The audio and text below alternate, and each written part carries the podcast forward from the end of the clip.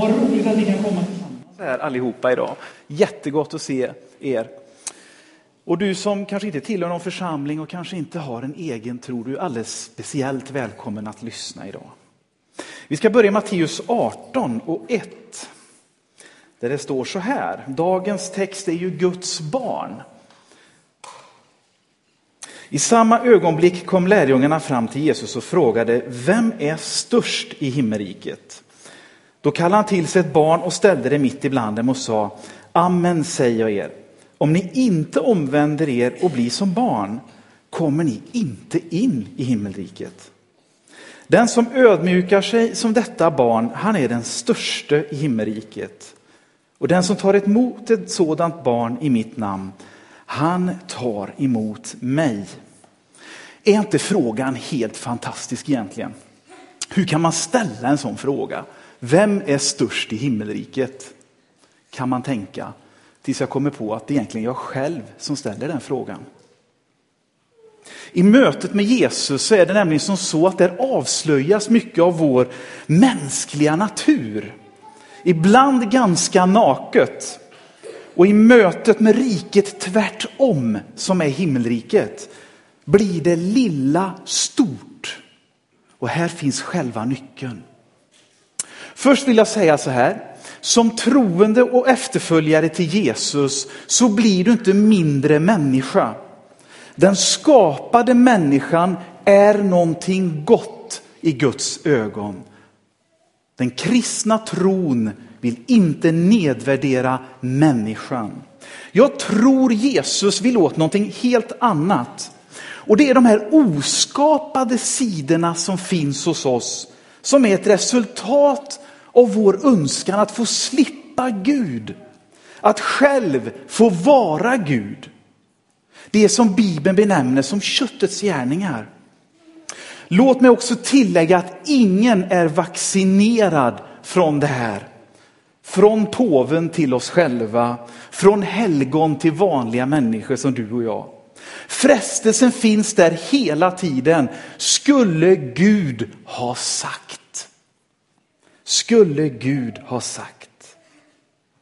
Därför blir Jesu högst påtagliga undervisning här så viktig.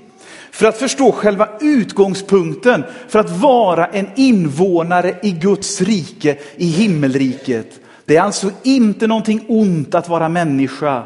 Men det finns en nyckel i mänskligheten som Jesus vill visa oss. Och då kan man fråga sig, om nu Jesus säger att vi måste bli som barnen för att komma in i himmelriket. Hur blir man då som ett barn? Hur blir man som ett barn? Jag har två punkter som jag tror är viktiga här. Det ena är barnets ställning. Det andra är barnets inställning. Det ena är barnets ställning, det andra är barnets inställning. Ingenting annat, säger Jesus, kan vara passet in i himmelriket. Och därmed så faller gärningslära, dogmatik, religiös begåvning, gamla dåliga eller bra meriter. Därmed är också dörren öppen för alla människor som inser att det bästa man kan vara eller likna, det är ett barn. Och jag som trodde att man skulle ha en form av religiös begåvning, var religiöst lämpad, var speciellt svag eller stark eller moraliskt korrekt eller väldigt fallen, då kommer jag till Guds rike. Nej, säger Jesus, det är inte det som är kriteriet att komma in. Så ser mänskligheten ut ändå. Nyckeln ligger i barnets ställning och inställning. Med sin beroendeställning och sin förväntansfulla inställning. Någon har sagt att det är först när man vågar visa sig som ett barn som man kan säga att man är vuxen. Jesus säger, om ni inte först omvänder er och blir som barn. Alltså slutar bete oss som om vi kunde förtjäna himmelriket och istället börja förvänta oss det. Här i ligger hela julevangeliet förpackat. Samtidigt är det viktigt, innan vi går vidare i predikan, Nya testamentet talar samtidigt om att vi ska växa upp och lämna det barnsliga bakom oss. Men det pekar inte på vår grundläggande ställning och inställning, utan istället på det som varje förälder önskar sitt barn, mognad och tillväxt. Detta sker ju utan att barnet mister sin identitet hos föräldrarna. Det är fortfarande grunden för tillhörighet. Du är vårt barn, men vad skönt att du mognar och växer till. Jag kommer ju alltid, hur gammal och skröplig jag än blir, att vara mina föräldrars barn. Och jag tror att det här som Gud vill sätta lampan på idag, att vi alltid ska bevara barnaskapet inom oss. Så vi måste börja lära oss att skilja på barnslighet som ett negativt uttryck för omognad och det heliga positiva ordet barnaskap. Vi ska titta på barnets ställning och inställning. Och här behöver vi verkligen ta och tänka efter lite grann och ta till oss. Och framförallt är det så här att när du läser Bibeln, i min bibel så är det allt rutt där Jesus talar. När Jesus talar, då ska man lyssna väldigt noga. Lärjungarna de kan babbla om det mesta, vem som är störst, om de ska kalla ner eld över staden som inte vill ta emot Jesus, och en det ena och en det andra. Och de lovar högt och lågt en massa saker och kungarna pratar och människor rör sig i Bibeln och säger väldigt mycket. Men när Jesus talar, då måste vi lyssna extra noga. Och först vill jag frams, bara fastslå en sak. Det är att barn i Jesu lära, i Nya Testamentet, i Guds rike, i himmelriket och i hela skapelsen är någonting heligt och okränkbart. Barn är någonting heligt och okränkbart. Matteus 19 och 14 säger, låt barnen komma till mig och hindra dem inte, Ty himmelriket tillhör sådana som dem. Himmelriket tillhör sådana som är som barnen. Religionen hade redan där försökt att visa bort barnen från Jesus genom lärjungarna och sa att det passar inte att störa honom. Han är ju jättemärkvärdig, det är ju Guds son, stör honom inte. Vad värre är, är att religionen i dig och mig vill jaga bort barnet inom oss. Vad värre är, det är att religionen alltid vill jaga bort barnaskapet på insidan av oss. Och så vill den göra någonting av Jesus som inte ens är hanterbart. Och så vill den säga att du är inte tillräcklig, du kan inte gå till kyrkan. Du är inte tillräcklig, du kan inte be till Gud, du kan inte förvänta dig ett bönesvar. Du är inte tillräcklig och så var det inte det Jesus sa, han sa bli som barnen. Barnen tycker alltid att de är tillräckliga, eller hur? Själva grunden för att kalla sig kristen, efterföljare till Jesus, Guds barn, har sin andliga juridiska verklighet för evigt grundat i denna sanning om barnets ställning på grund av dess härkomst, inte vad det har förtjänat. Ett barn kan aldrig förtjäna sitt barnaskap, även om vissa kulturer har velat skapa ett sådant system så kommer vi att vara barn på grund av var vi kommer ifrån. Därför, det är därför Gud måste föda oss på nytt genom den helige ande och Jesus Kristus. Det är det som Nikodemus måste brottas med Jesus om när han inte förstår när Jesus säger du måste bli född på nytt Nikodemus. Genom vatten och ande. Och det är det här som är det fantastiska med den kristna tron. Att hur dålig din bakgrund och härkomst än skulle kunna tyckas vara, så är du ett nyfött barn i ett nytt rike genom Jesus Kristus. Och du får en ny härkomst. Du blir en ny medborgare i en ny familj. Du får ett nytt arv som du kan peka på. Du får en ny bakgrund som du kan peka på. Jag är jätteintresserad av släktforskning eh, och har snott mina farbröders släktforskning rakt av och tycker det är oerhört intressant att gå tillbaka långt bak i tiden och se eh, och vad som har varit och hur det är. Och så blir man lite stolt när det är lite adliga linjer som korsar så här och så är det någon, en och annan fuling som korsar där och så är det lite sånt här. Och så tycker man wow, intressant så här. Men det finns en helt annan härkomst som du som tror på Jesus kan ta emot här och nu och få en helt ny bakgrund och ett helt nytt släktskap. Och det är därför Jesus säger, ni måste bli som barn för att komma in i Guds rike. Och Jesus säger till Nikodemus, du måste födas på nytt. Där i ligger vår ställning och vår rättighet. Johannes evangelium, första kapitel, säger så här i tolfte versen. Men åt alla dem som hade gjort allting rätt i livet och var fullkomliga och hade den perfekta ättelängden. Och dem gav han makt att bli Guds barn. Ingen som reagerar. Jo, du, för det är fel. Du är villolärare, herr Liljegren. Nej, men jag läser fel just nu. Men åt alla de som tog emot honom gav han rätt att bli Guds barn. Åt den som tror på hans namn.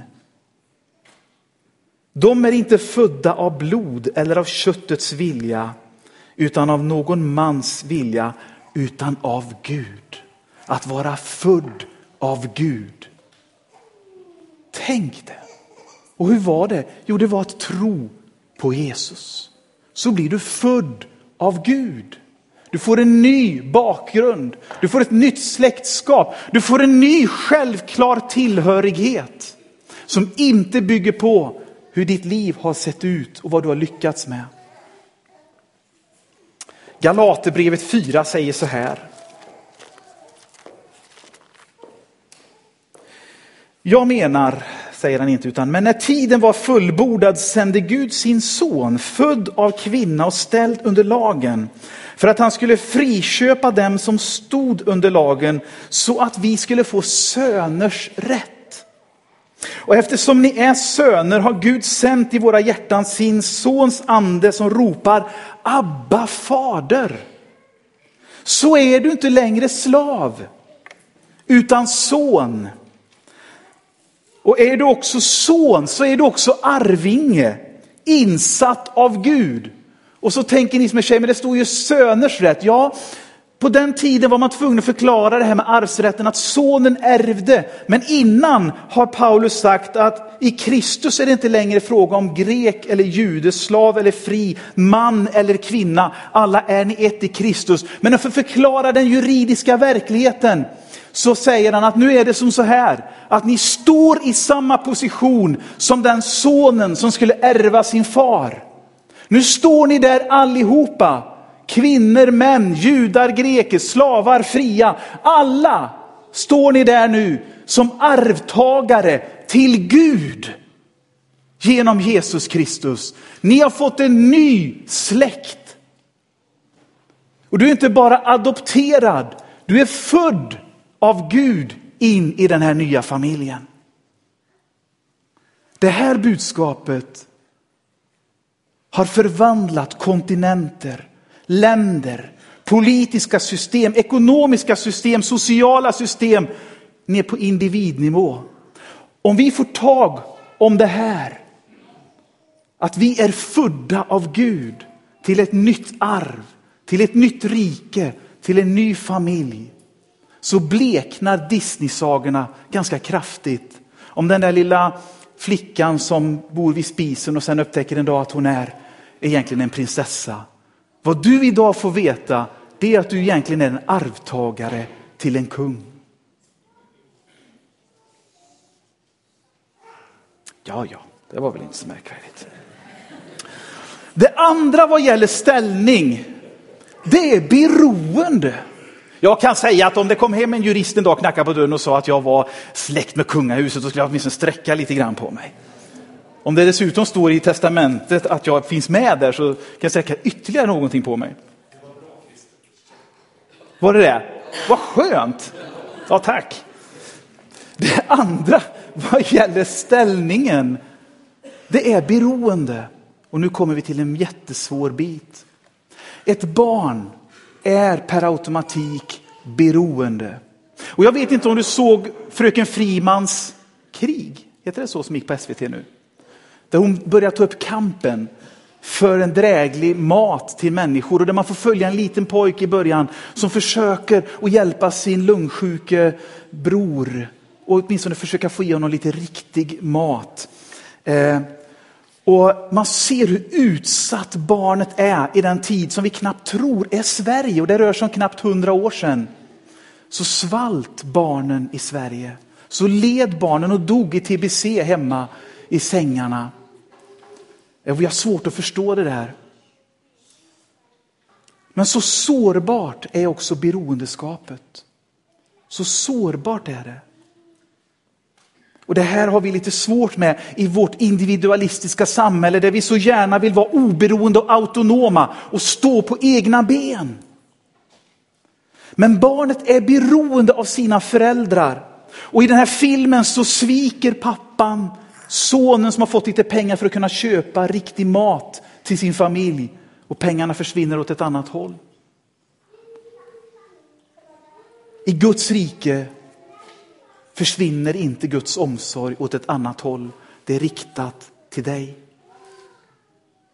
Det är så riktat till dig så han är beredd att dö för dig. Det är så riktat till dig så han är beredd att förnedra sig som en brottsling på det grövsta avrättningssätt som världen känner till. Så riktad är faderns kärlek till barnen. Så stark och passionerad är den. Och man säger ofta som pappa och mamma, jag blir som en tiger, jag blir som ett lejon när barnen råkar ut för någonting. Jag ska försvara dem. Jag ska hjälpa dem. Och här har vi det svårt att våga bli beroende. Att våga vara beroende av Gud. Och jag tror inte att Gud vill att vi någonsin ska växa ifrån det här beroendet av honom. Hur rika och hur mäktiga vi än blir. Jesu bergspredikan har en tung passage där han just trycker på detta med att våga lita på Gud, att göra sig beroende av honom.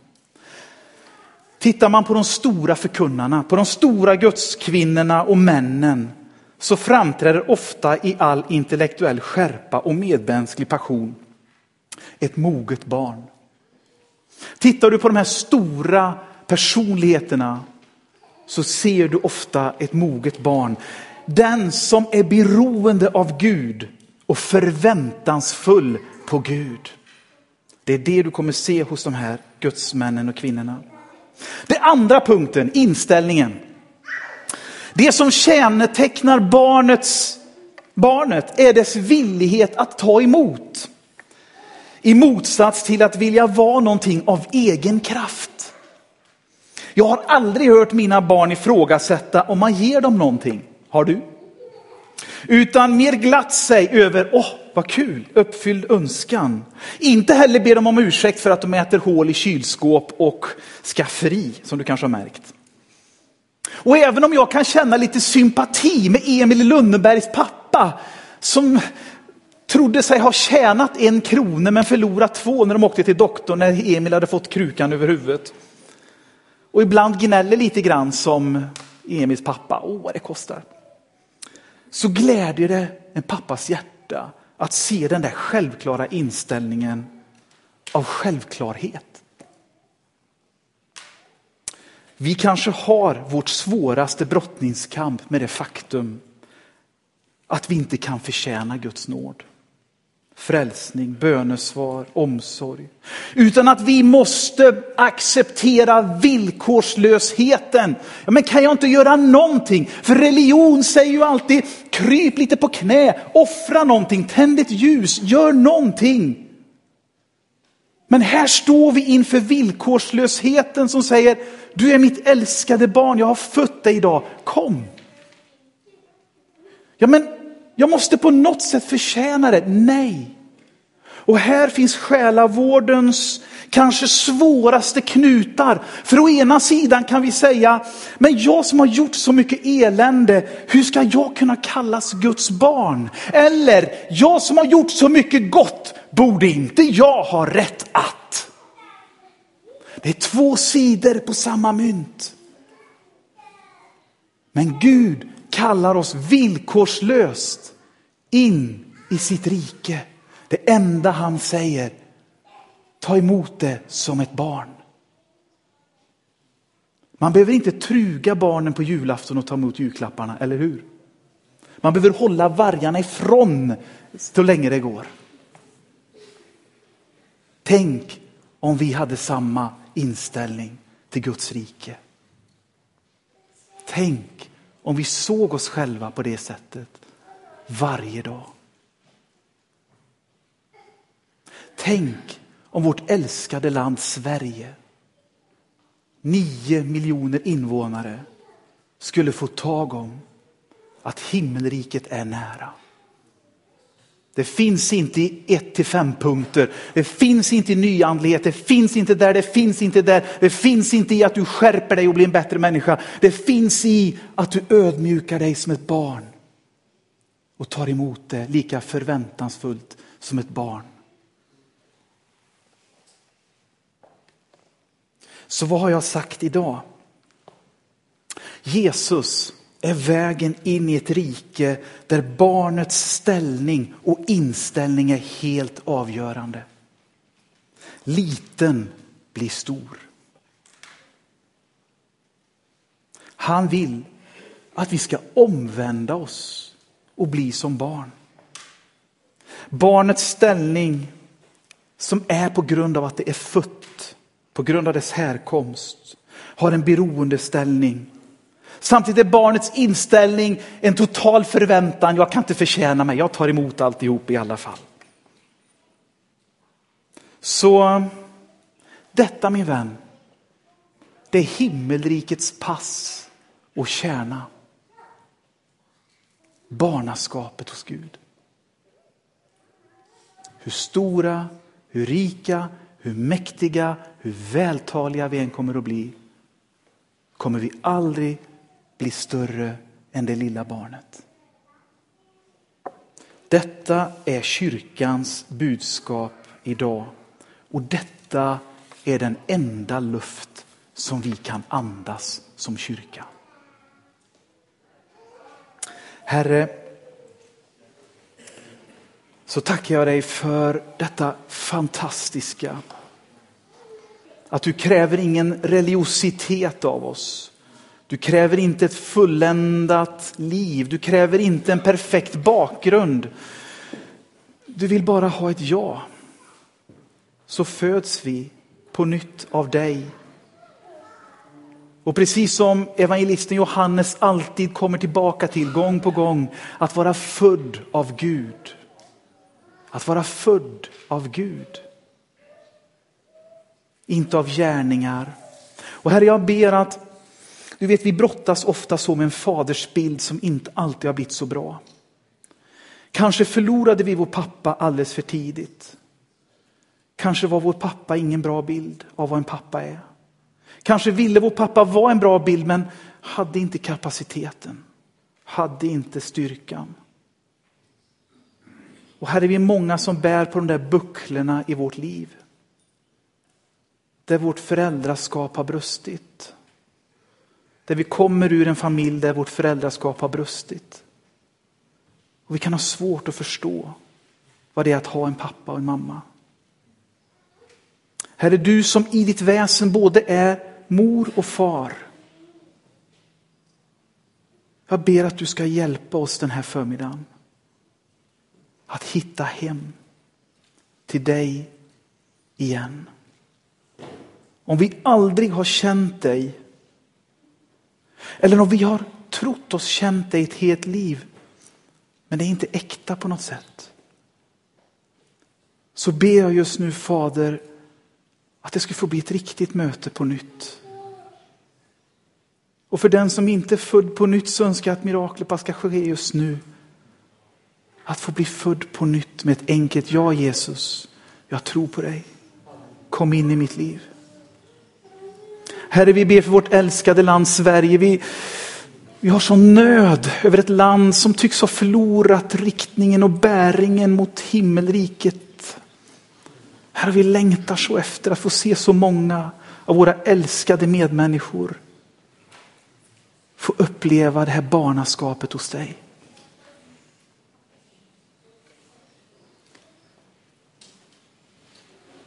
Herre, du vet att vi lever i en oerhört komplex och krävande tid.